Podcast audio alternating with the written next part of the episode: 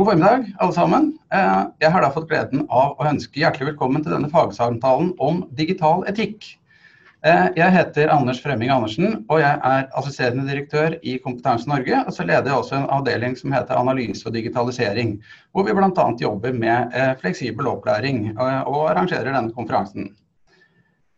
Oppgaven min her i dag det er da å lose oss gjennom denne fagsamtalen om et tema som gradvis har blitt viktigere i løpet av de siste årene men som vel må sies å ha blitt dundrende aktuelt det siste halvåret, når både da undervisning og veldig, veldig mye annen kommunikasjon har gått over til å foregå digitalt. Og med meg for å snakke om dette temaet, så har jeg da heldigvis et panel eh, som kan mye om digital etikk, eh, både i teori og i praksis. Og dette fagpanelet her i dag, det består av eh, Leonora Onarheim Bergsjø, som til daglig er førsteamanuensis på Høgskolen i Oslo, og hun forsker da på forholdet mellom ny teknologi og etikk. Eh, I tillegg så er hun forfatter, og hun er samfunnsdebattant. Og hun leder også Norsk råd for digital etikk. Hun er bl.a. opptatt av hvordan vi kan ta i bruk mulighetene som ny teknologi gir, på en måte som både er sikker og etisk forsvarlig. Og det har hun også skrevet flere bøker om. Eh, Neste deltaker er eh, Diana Saplakan, som er stipendiat ved Universitetet i Oslo på Institutt for eh, informatikk. Hun jobber her bl.a. med universell utforming, eh, tilgjengelighet på digitale plattformer og inkludering i høyere utdanning. Nestemann ut er Rune Aores. Han er avdelingsleder for norskskolen på Larvik læringssenter, og han har lang erfaring både som lærer og som leder. Og han har vært med helt siden starten av digitaliseringen av undervisningen på Larvik læringssenter. Eh, det har han jobbet med i samarbeid med mange andre voksenopplæringssentre, med IMDi og også med oss i Kompetanse Norge. Eh, og eh, siste kvinne ut er Ida Serneberg fra Noroff School of Technology and Digital Media.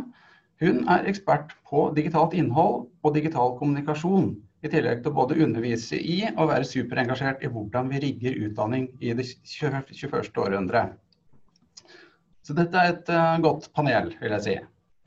Uh, formatet for den samtalen uh, har vi tenkt å legge opp sånn at først får Leonora litt tid til å holde en liten innledning om temaet, som rammer inn det vi skal snakke om. Og så innlemmer vi resten av dette supre panelet i fagsamtalen etter det.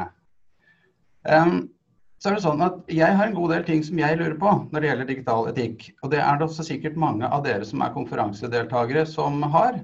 Eh, og da er det sånn at Har dere noen spørsmål, så skriv dem gjerne inn i chatten. Og så skal vi prøve å komme innom så mye som mulig i løpet av den timen som er satt av til denne programposten. Eh, og Der er det lov til å stille spørsmål til eh, panelet som sådan, eh, eller til enkeltpaneldeltakere.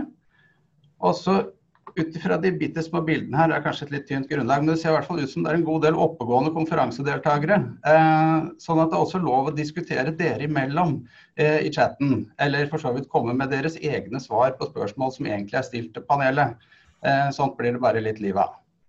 Så har jeg også med meg en eh, vert eh, som heter eh, Eddie, og som er med og holder orden på spørsmål som kommer inn, og har styr på det tekniske og som eventuelt kan forsøke å holde styr på meg også hvis han mener at det trengs. Um, og så er det sånn at For ikke å starte eh, seansen om digital etikk med å opptre uetisk eller faktisk ulovlig, så er jeg også nødt til å nevne at det blir gjort opptak av både lyd og bilde i løpet av den fagsamtalen.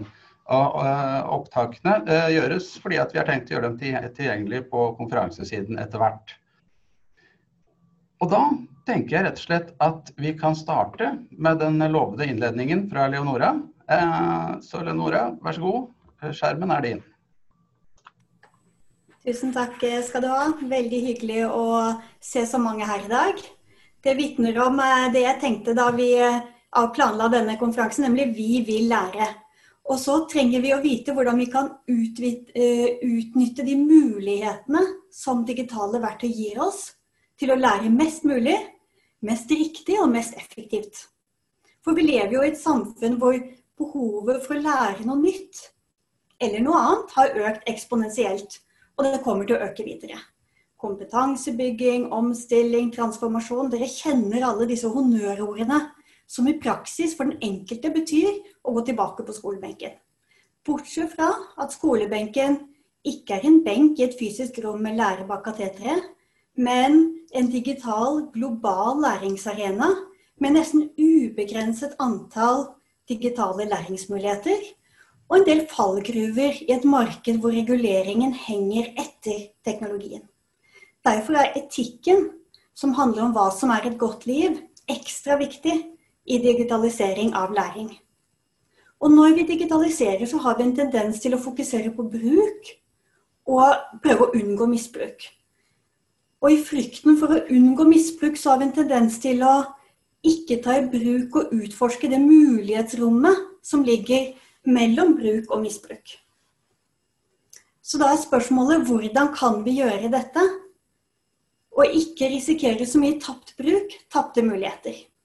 Jeg tenker at vi faktisk har et etisk ansvar til å utforske hvordan teknologi kan hjelpe oss som individer og samfunn til et bedre liv.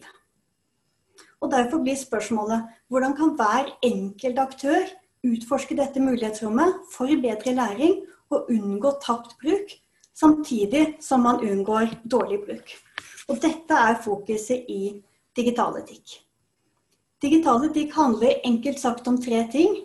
Én eh, å utforske teknologien selv. Hva ny teknologi faktisk er, hvordan den faktisk fungerer. Slik at vi to kan vurdere hvordan teknologien kan påvirke samfunnet og den enkelte, og ut fra denne kunnskapen og kritiske vurderingen. Tre, å diskutere hvordan vi kan og bør bruke teknologien. Og dette er viktig fordi teknologi påvirker samfunnet på flere måter enn vi intuitivt forstår. La meg ta et eksempel persontilpasset læring. Teknologi gir oss mulighet til å tilby læring som er tilpasset den enkeltes forkunnskaper, progresjon og ideelt sett også deres digitale kompetanse, slik at teknologien ikke stenger for læring, men støtter den. Og dette skjønner vi alle at det er bra. Men hva er det med persontilpassing som kan endre det å lære på sikt? Hva skjer med læring? De som er langt foran med persontilpassing, er kinesiske tekstselskaper som Alibaba, Tencent og selvfølgelig også Google og de andre tech-gigantene som vi kjenner godt, og som vi daglig benytter. De fleste av oss googler jo når vi trenger et svar. Og vi vet at Googles søkemotorer er styrte algoritmer som gir persontilpassede treff. Det betyr at når jeg søker på noe, så er treffene tilpasset det søkemotoren tror at jeg vil ha. Dens antakelse, prediksjon, er regnet ut fra alle data som er samlet om meg, hvor jeg har vært, hva jeg har klikket på, hvor lenge jeg leste før jeg klikket videre. Og så, hva betyr dette? En undersøkelse fra 2019 viser at elever som googler samme tema, ikke bare får forskjellige svar på personnivå, men også på gruppenivå. De som har foreldre med høy utdannelse, får andre og riktigere svar enn de som kommer fra familier med lav utdannelse. Dette innebærer at barn av foreldre med høy utdannelse får bedre kunnskap, som igjen gir bedre karakterer og bedre uh, muligheter til å velge utdannelse selv. Derfor kan persontilpassing reprodusere og forsterke ulikheter som allerede ligger i samfunnet. Denne undersøkelsen er fra Danmark, som liksom Norge har relativt sett små forskjeller og en velferdsmodell som bygger på prinsipper om solidaritet og likhet for alle, som dere kjenner godt til. Problemet vårt er at teknologien som vi benytter, ikke automatisk støtter denne nordiske velferdsmodellen.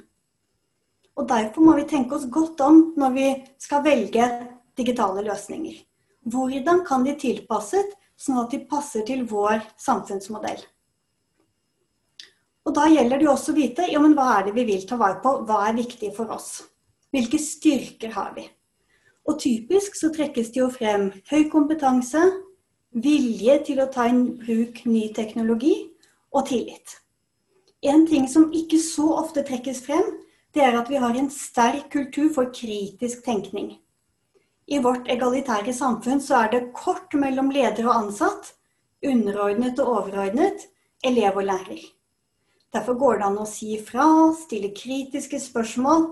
Det går til og med an å si nei til lærer eller overordnet, som er utenkelig i mange andre kulturer. Og det å tenke kritisk er en av grunnsteinene i det utdanningssystemet som har formet både demokratiet og menneskerettighetene. Jeg snakker selvfølgelig om humanismen, som også er en del av Norges offisielle verdigrunnlag og opplæringens verdigrunnlag. En grunntanke i humanismen er at man må gå til kildene selv, tenke kritisk og gjøre seg opp sin egen mening. Den humanistiske arven, å tenke kritisk osv., er imidlertid ikke en forutsetning for en strålende teknologisk utvikling. Tvert imot. Bare se på Kina. De har hatt en fantastisk økning de siste årene. Og i vår tid, hvor implementering av ny teknologi er en viktig økonomisk driver, har de hatt en helt eventyrlig suksess. Det kinesiske samfunnet er imidlertid verken kjent for sin humanistiske tradisjon, kultur for kritisk tenkning eller høy tillit men derimot for en sterk tradisjon til å nudge folk til å oppføre seg slik som styresmaktene vil. Og denne tradisjonen gjenspeiles i teknologien og håndheves med stadig flere digitale hjelpemidler. Dette er litt annerledes for Google. Amerikansk, også en eventyrlig suksess, men som bygger på en helkommersiell modell. Et Google-søk gir ikke det jeg trenger av kunnskap, den er ikke optimert for kunnskap, men er optimert for at jeg skal få det jeg liker, så jeg blir lenge på nett. Hensikten er ikke bare at jeg skal se masse reklame på nett som de kan selge, men at det skal nudges til å kjøpe tjenestene og produktene som jeg ser reklame for. Noen sier at en gratis tjeneste, da er du produktet. Men det er egentlig riktigere å si at din atferdsendring er produktet. Google selger ikke deg, men det at du vil nudges til å endres, endre atferd pga. teknologien. Og det er dette verdigrunnlaget som algoritmene styres etter når vi bruker søkemotorer, samtidig som vi bruker dem for å få mer kunnskap. Og dette krever bevissthet når vi skal lage undervisningsopplegg, gi undervisningsoppgaver, og det krever at vi lærer bort digital kildekritikk som en del av digital utdanning og digital danning. Kort sagt at vi lager læringsopplegg som støtter opp om de tradisjonene som vi har lyst til å videreføre. Menneskerettigheter, demokrati og den tradisjonen som har boret frem disse retningene, nemlig det å gå til kildene, tenke selv og gjøre seg opp sin egen mening. Her har vi en viktig jobb å gjøre når vi skal skape gode læringsarenaer. Og med det oppspillet så jeg, gleder jeg meg til å samtale mer med dere. Flott. Tusen takk, Leonora. Og jeg tenkte at uh, jeg hang meg litt opp i dette Google-eksempelet. Uh, og har lyst til å forfølge litt det med å spørre Rune.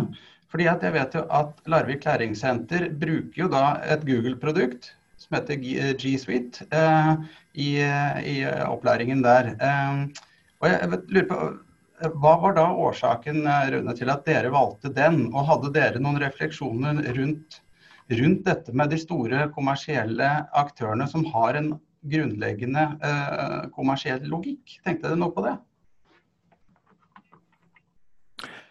Ja, eh, dette har vært en lang prosess og veldig kort før jeg går direkte inn på, på å stille, nei, svare på spørsmålet ditt, så må jeg bare si at uh, helt siden 2000 så, så gikk Larvik kommune inn for å satse på, på å digitalisere deler av undervisninga si og få en økt IKT-kompetanse i grunnskolen.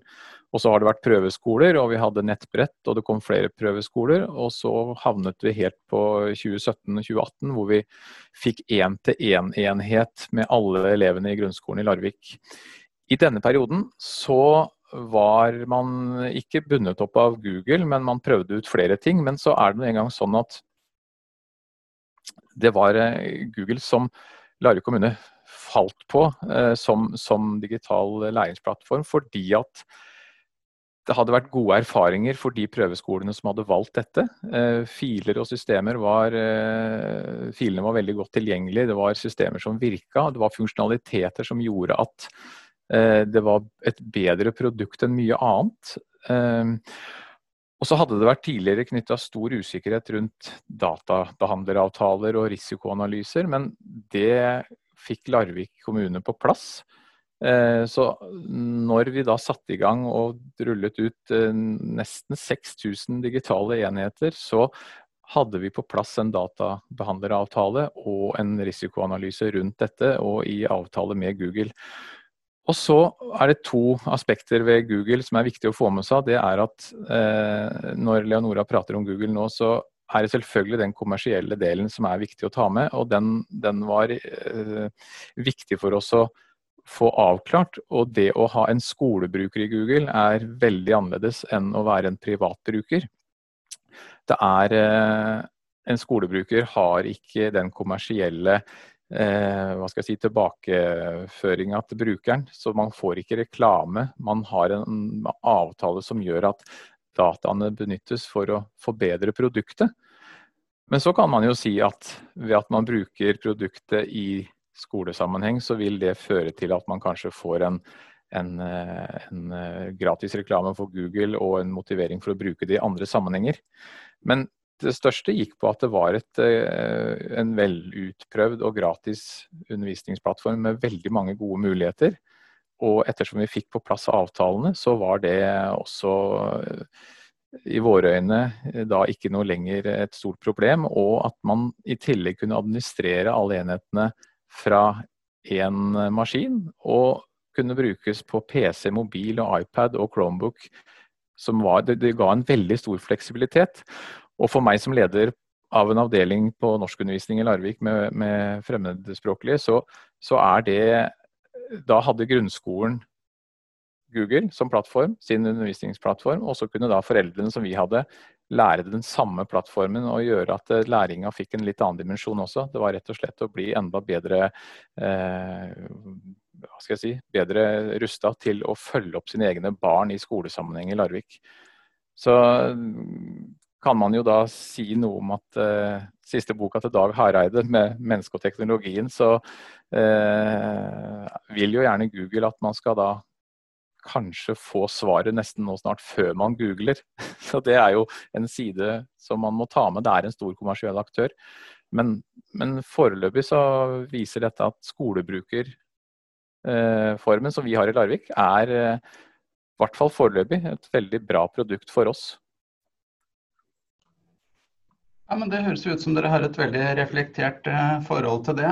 Eh, hvis vi går litt videre til deg, eh, Ida, eh, og, Noroff. Dere er på et annet skolenivå. Dere er både høyskole og dere er fagskole. og kan du si litt om deres erfaringer med digital undervisning, og da også hvilke etiske avveininger dere har måttet gjøre? Ja, tusen takk. Ehm, ja, jeg vil begynne med å si at det er veldig interessant med denne eh, diskusjonen rundt eh, Google og valg av Google i skolen. Eh, vi kunne jo også stilt det spørsmålet nå i plenum her. Hvor mange er det som bruker Google når vi søker? Og har vi gjort noen tanker om hvorfor vi velger Google og ikke DuckDuckGo f.eks., som ikke lagrer dataen vår? Da. Så det er litt interessant at valget av Google speiler kanskje også ikke bare altså, det valget vi tar ellers i livet. da. Så jeg måtte bare kommentere på det. Men eh, ja, jeg er som sagt fra Noroff, og vi er over på digital undervisning den 11. mars. Vi snudde hele undervisningen på 24 timer. Eh, og jeg syns det var veldig spennende å følge med på Stine og co. fra NTNU, og hvordan de da tok ned alle disse teknologiske barrierene. Kanskje det første vi måtte den første utfordringen gikk jo rett og slett på det at vi var avhengig av teknologien til den enkelte studenten, akkurat som nå. Vi er avhengig av at jeg har nett. Vi er avhengig av at eh, eh, jeg har en kamera og en mikrofon som funker. Så den teknologiske problemstillingen var den største, og det å kunne sikre at alle hadde tilgang, hvilket jo egentlig var enkelt i Norge. Det er relativt enkelt for oss som høyteknologisk skole og også veldig teknologiske studenter. Ehm, et spørsmål er jo hva du gjør hvis du er alenemor, har tre barn og alle skal ut på undervisning samtidig, og du har én en enhet. Eh, så den teknologiske utfordringen var det første. Eh, og der ligger også den der kompetansen da, som jeg syns at eh, Stine og co. fra NTNU tidligere i dag var veldig flinke med å lære oss noen begrep for hvor finner vi chatten, hvilke funksjonaliteter har vi. Og der ser vi at vi har en veldig stor kløfte mellom de flinkeste og de, um, og de som er svakere på, på, digitalisering eller på altså på den teknologiske kompetansen. Um, og det tror jeg er veldig viktig. Og så er det fysisk begrensning. Vi er plutselig avhengig av det fysiske stedet hvor studenten sitter. Eh, eh, ikke så enkelt å være eh, student og bo på 28 kvadrat, og eh, kjæresten din eh, jobbe natt. Eh, og så skal du da eh, ha undervisning når noen sover i samme rom.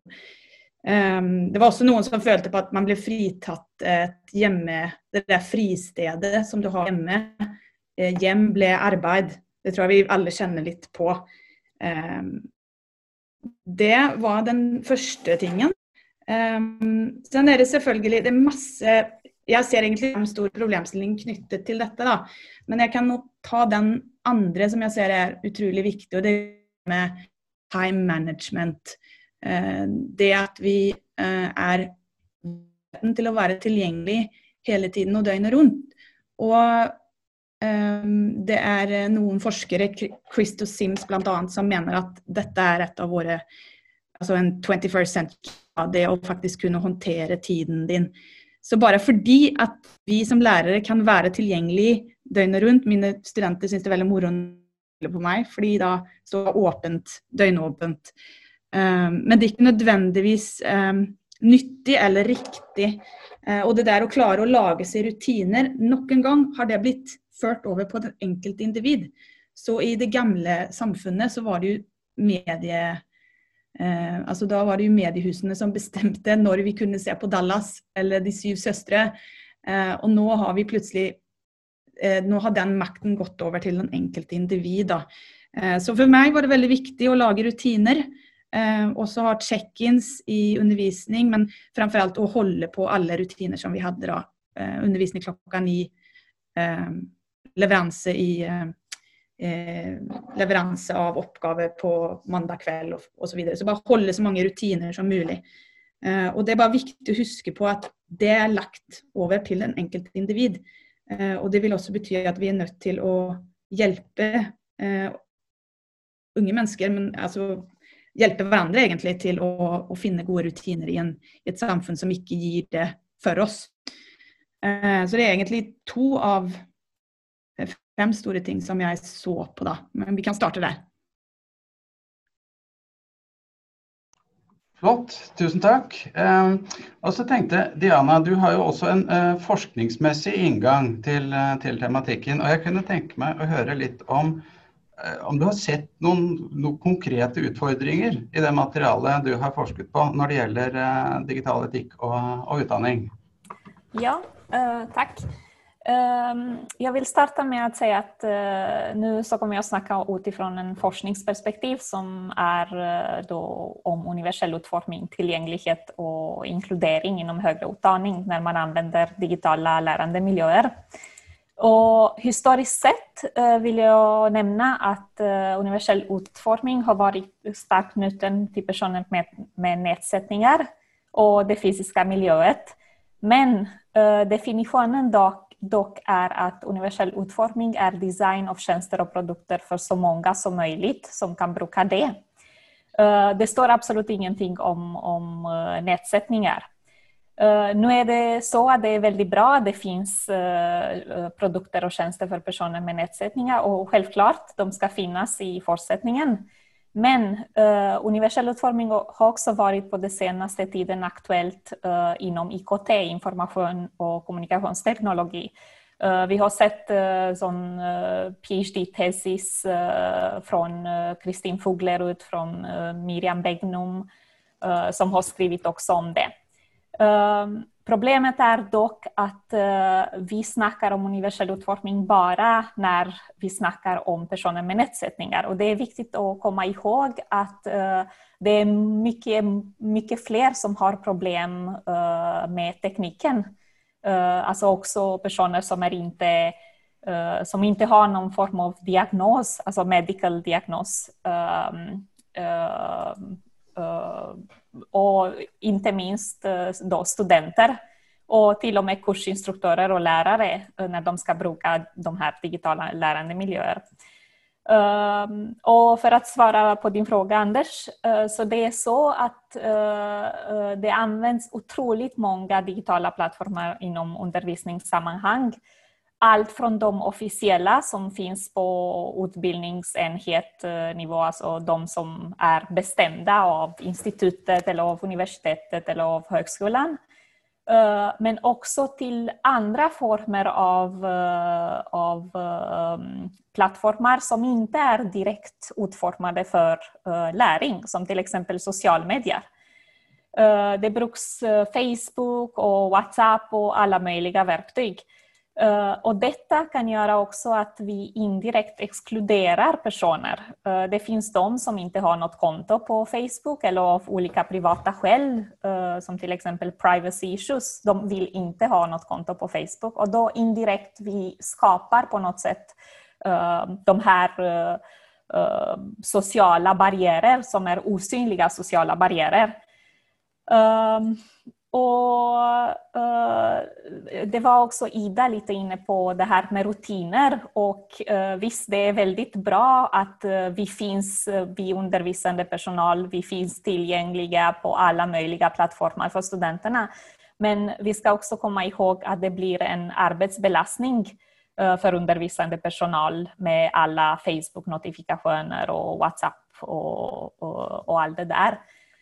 Ehm, så ja, uh, å att ge några fler exempel så uh, jeg intervjuet intervjuat i min forskning ulike deltakere, bl.a. både studenter og, um, både studenter och, um, och undervisande personal.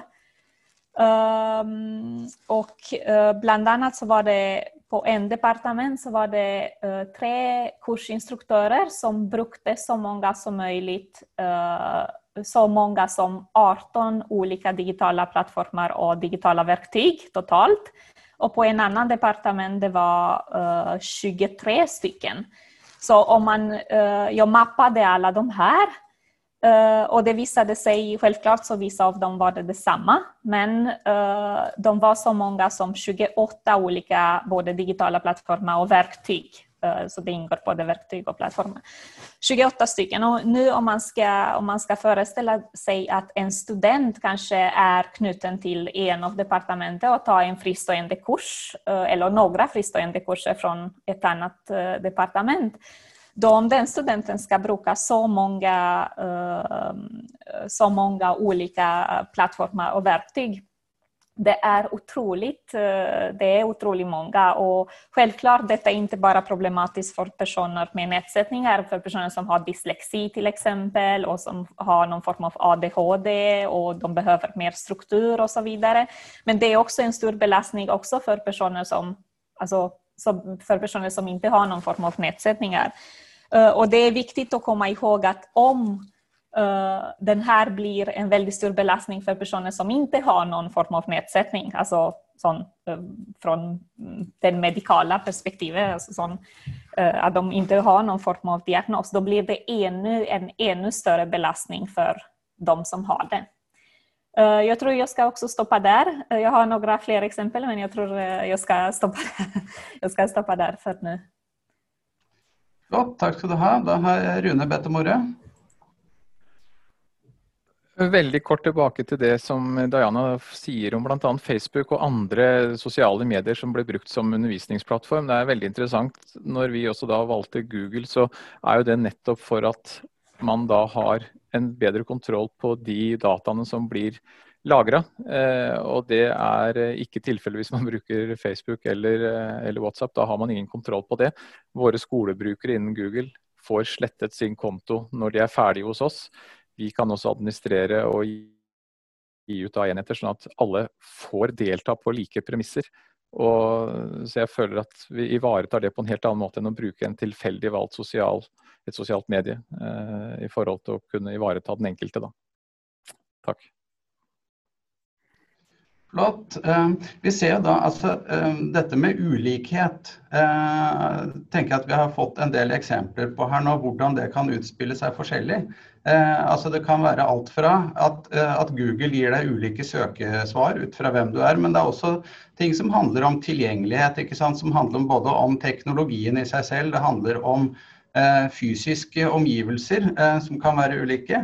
Og det handler om dette med eh, krav om tilstedeværelse på alle mulige sosiale plattformer. Det har vi også fått opp i chatten her noen eksempler på noen som er ikke hadde tenkt å være på sosiale medier i det hele tatt, men som ser seg nødt til å være det fordi at det forventes fra omgivelsene eh, på et eller annet vis.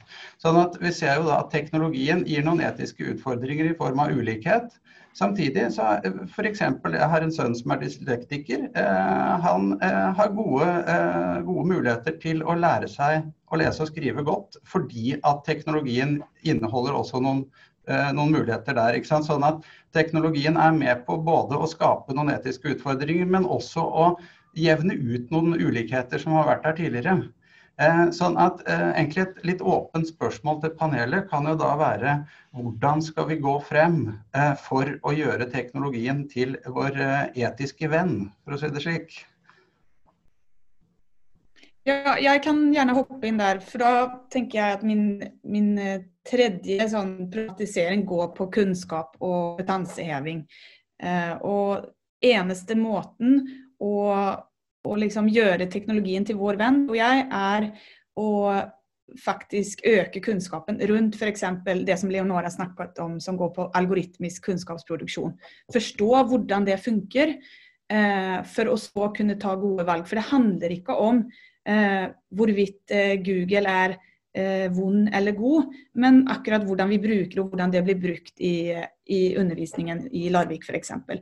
Så jeg mener at, og det så vi på hvis noen har sett Social Dilemma, som akkurat går på Netflix eh, om dagen, eh, så er det en av de første tingene som eh, blir sagt, er at, eh, at en av de hovedpersonene sier at eh, jeg skulle ønske at dette er noe som ikke bare teknologiselskapene kan, men at, at alle eh, forstår det.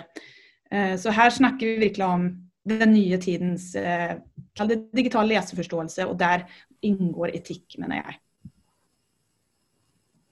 Ja, jeg vil bare understøtte det du sier, eh, og, og, legge til at denne samtalen Dette er ikke sånn at etikerne er eksperter og de kan ta dette. Dette er alles fagfelt nå.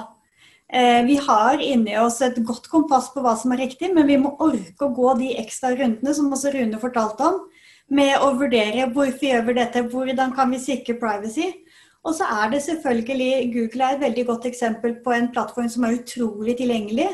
Og så er det et langsiktig problem at vi igjen velger den samme, som da blir bedre, og igjen blir det naturlige verktøyet.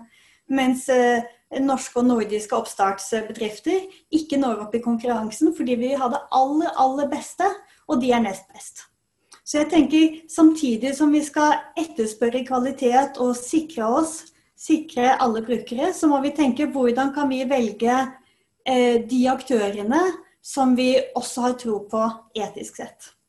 Og dette er et problem som, som, som ikke er løst akkurat nå. Men, men, hvordan kan vi sikre at andre aktører enn de gigantene som er nå, blir kjempegode? Sånn at det blir et naturlig valg å velge dem. Tør vi å velge dem som leverandører underveis, sånn at de blir gode? Ja, da har Rune bedt om ordet. Eh, I forhold til personvern eh, så er det også viktig at man velger plattform som, som gjør at man ikke blir synlig da, i forhold til det som igjen er med disse sosiale mediene. Vi har på vårt læringssenter så har vi personer som er sårbare, og som, eh, som trenger et vern for å ikke å bli identifisert av andre. Og Sånn sett så er også Google en, eller en sånn type plattform som ikke er er av format som Facebook f.eks. En, en fin ordning.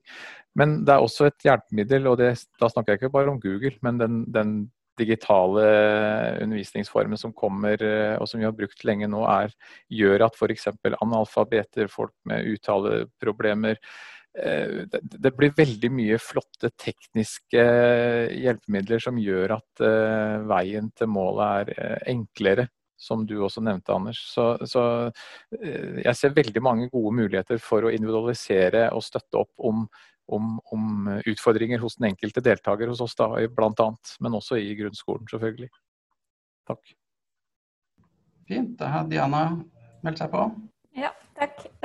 Jeg tenker at det er veldig viktig det her med, universell utformning. Eh, det er så at det har kommet ut en foreskrift som sier at eh, de digitala miljøer som vi anvender inom høyere utdanning, så de skal være universell utformade. De som er nye, de skal være fra og med 2021 Eh, de ska vara uh, universellt utformade.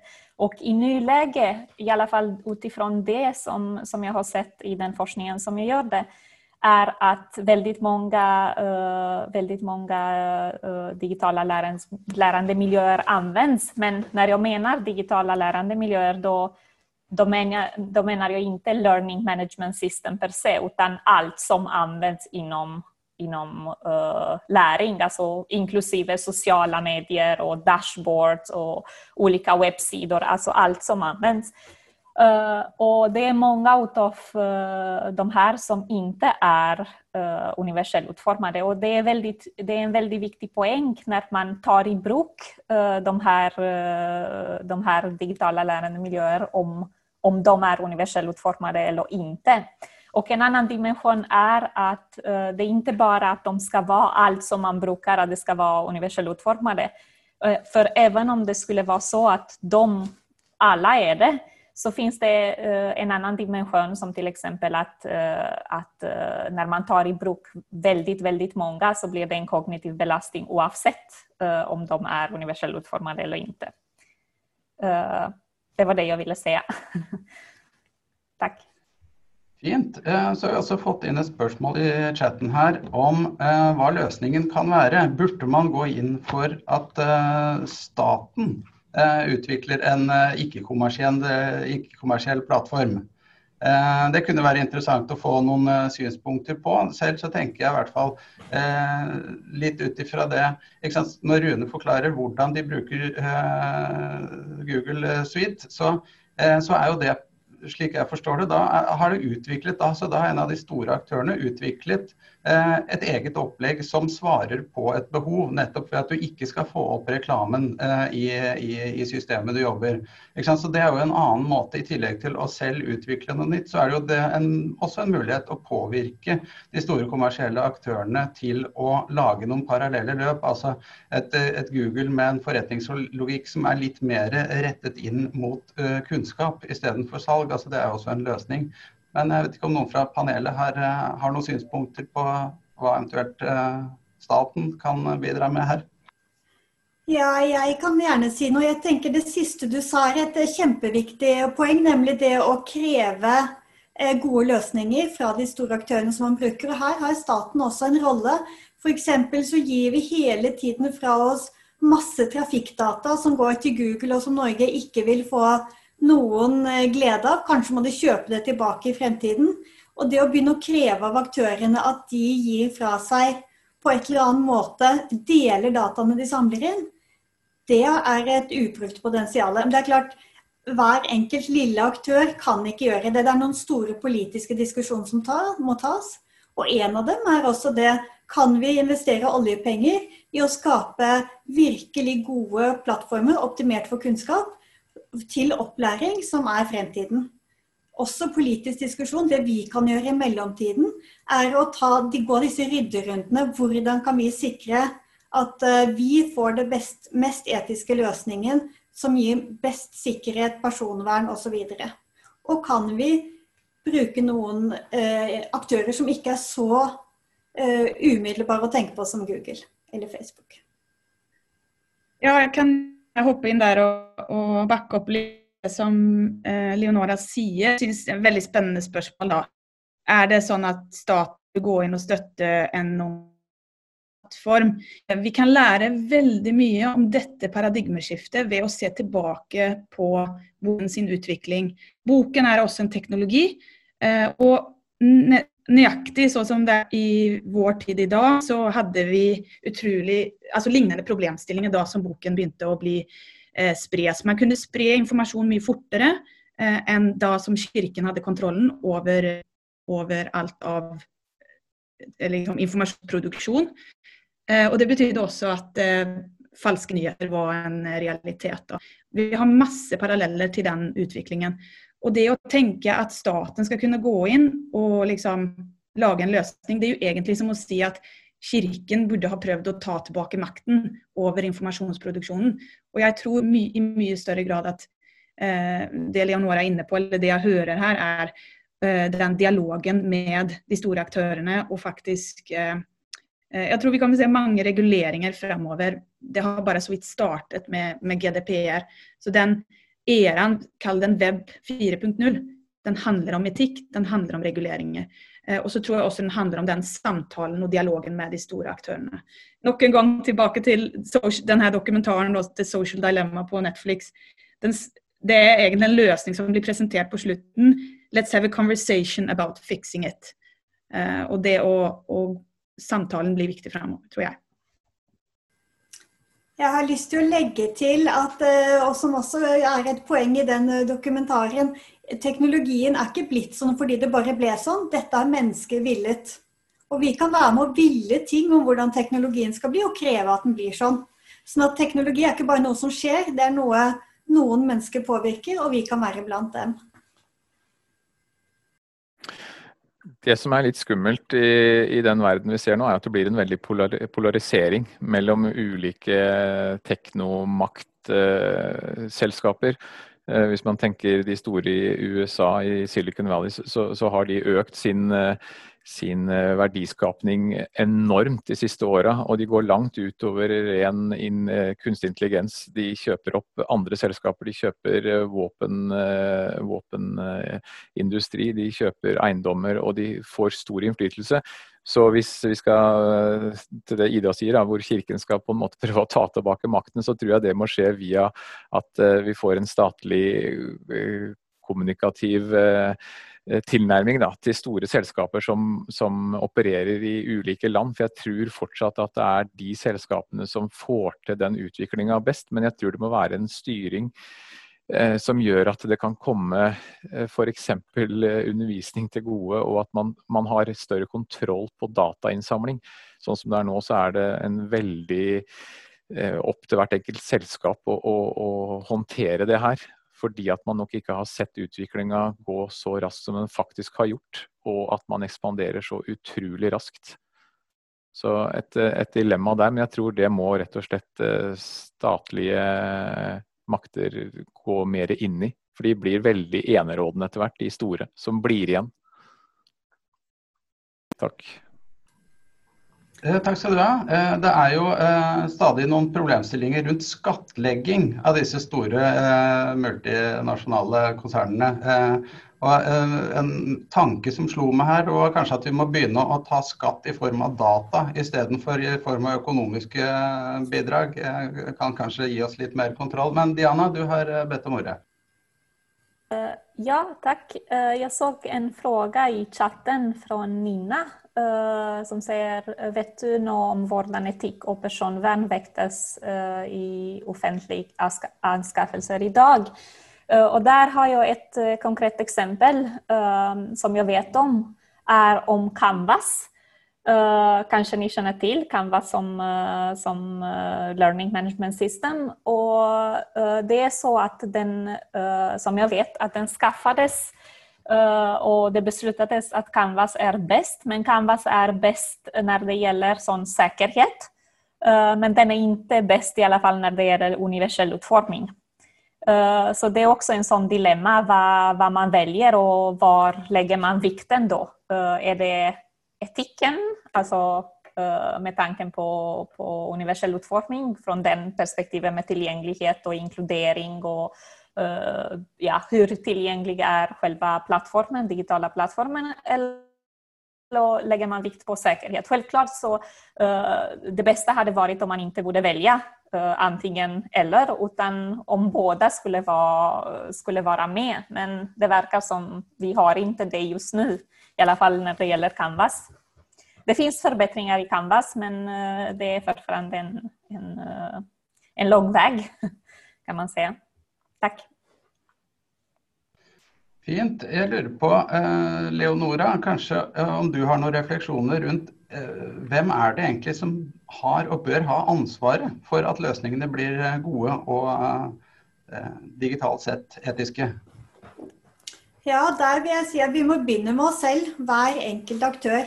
Vi kan ønske ting av staten og ønske ting av tech-gigantene og sånn, men det vi kan ta ansvar for, det er der vi begynner selv. Hvilke løsninger vil vi ha i vår virksomhet? Hvilke vil jeg ha i mitt liv? Og så begynner derfra. Fordi skal vi bare vente på at eh, det kommer noen nye lover, så tar det et par år, og det er for lenge. Ja, nei, men Det er en god oppfordring til å starte med, med, seg selv. og jeg vet ikke, eh, Rune, eh, for å starte, for hvis du skal starte med deg selv, hvilke etiske dilemmaer er det dere har sett i, i Larvik når dere har jobbet med digital undervisning?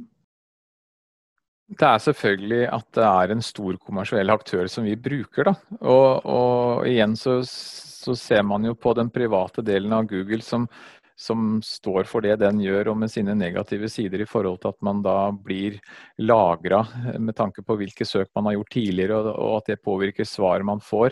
Men igjen så er det da eh, med denne skolebrukerdelen så er det jo litt annerledes.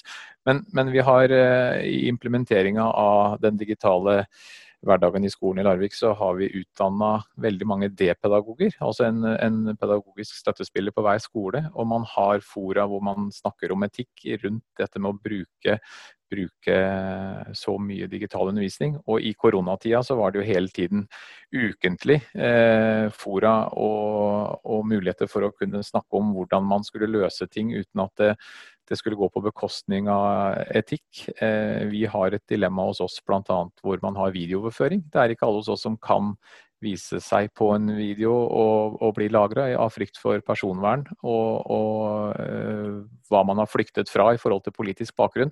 Så det er noen sånne ting uh, som vi hele tida må, må, håndtere for at hver og en skal bli ivaretatt.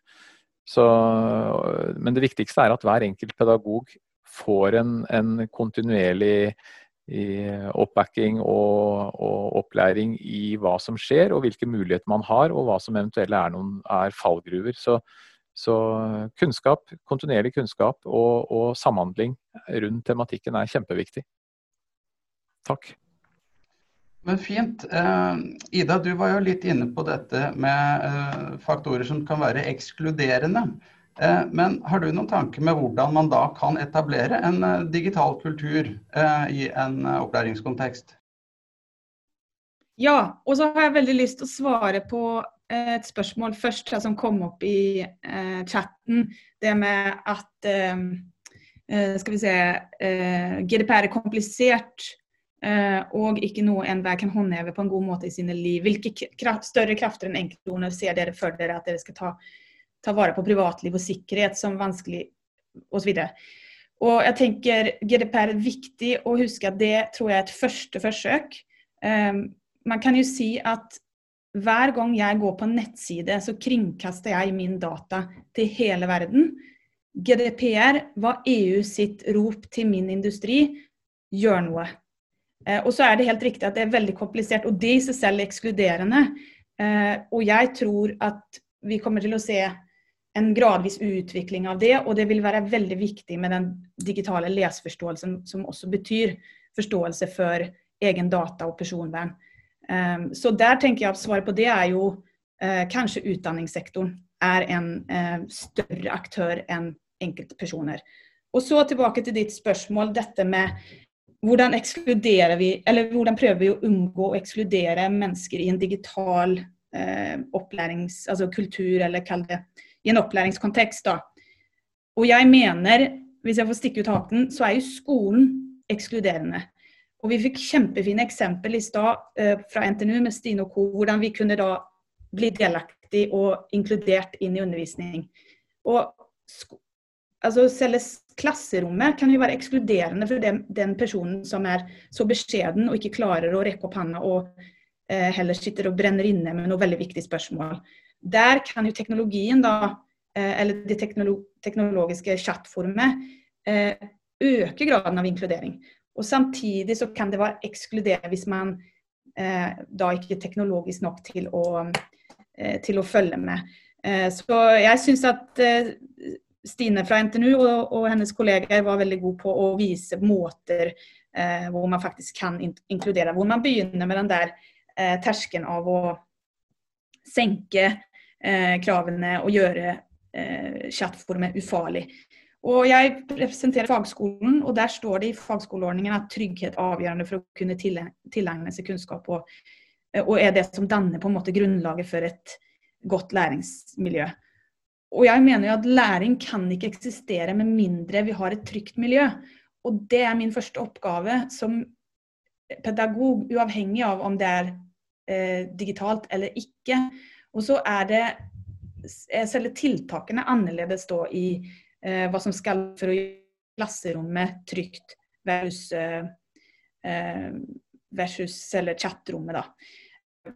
Så det, jeg tenker det er veldig viktig å liksom huske på det, da, at teknologien er ikke liksom den ekskluderende faktoren, men den kan bli, eh, gitt at vi ikke legger de rette rammebetingelsene. Eh, og så tror jeg det er også veldig viktig, for vi, noen ganger så er det som at vi setter disse tingene opp mot hverandre. Vi tenker enten er det klasserom, eller så er det et, et, et digitalt klasserom. Eh, og vi må forstå det som at teknologi er sammenflettet i våre liv og i vår kultur. Så I denne uken eksempel, så hadde jeg en eh, undervisning hvor vi hadde klassen i Bergen. De sitter eh, hjemme, for der har vi campus stengt. Og så hadde vi Oslo campus. Eh, og så møttes vi på Zoom. Og da hadde vi en underviser fra eh, Sør-Afrika som underviste om videomarketing. Og så gikk eh, studentene ut i sine miljøer og filmet forskjellige ting. Og da var de studentene på Oslo-campuset, de var jo da på campus. Og her ser vi hvordan jeg tror i mye større grad vi kommer til å se en sammenfletning mellom teknologi og det fysiske rommet. Og det kommer igjen skape nye etiske problemstillinger som vi må ta og, og, løse. Men jeg tror det er veldig viktig at vi ikke setter de to tingene, digitalt versus fysisk, opp mot hverandre. Det finnes en bok som heter The Netflix Effect, og der så skriver forskerne at technology becomes more deeply ingrained in our lives. Og det tror jeg er sånn her viktig premiss for å forstå hele dette universet. Ja, men Flott. Jeg henger meg litt opp i det at teknologien i seg selv ikke er ekskluderende. Eh, det tror jeg er et viktig poeng. Men så er det jo det at det er noe nytt, ikke sant? og vi er vant til noen måter å jobbe på. Eh, og eh, nå er det sånn at Vi i Kompetanse Norge til kjedsommelighet mener at kompetanse er løsningen på alt. Eh, men det, det, mener vi nå at vi ofte kan stå for. og Jeg vet ikke om du kanskje Leonora, har noen tanker om hvordan kan man da bygge bedre kompetanse om digital etikk? Hvordan skal vi gå frem da? Ja, Det er et kjempegodt spørsmål, og, og, svaret er kjempeenkelt og like vanskelig. Altså, Disse tre skrittene faktisk sette seg inn i hvordan nye teknologien fungerer. Sånn at vi kan vurdere, for vi vet ikke nok om, de fleste av oss vet ikke nok om hvordan teknologien fungerer. Så sette seg inn i den, faktisk diskutere hvilke konsekvenser kan det ha, og basert på disse to ta valg.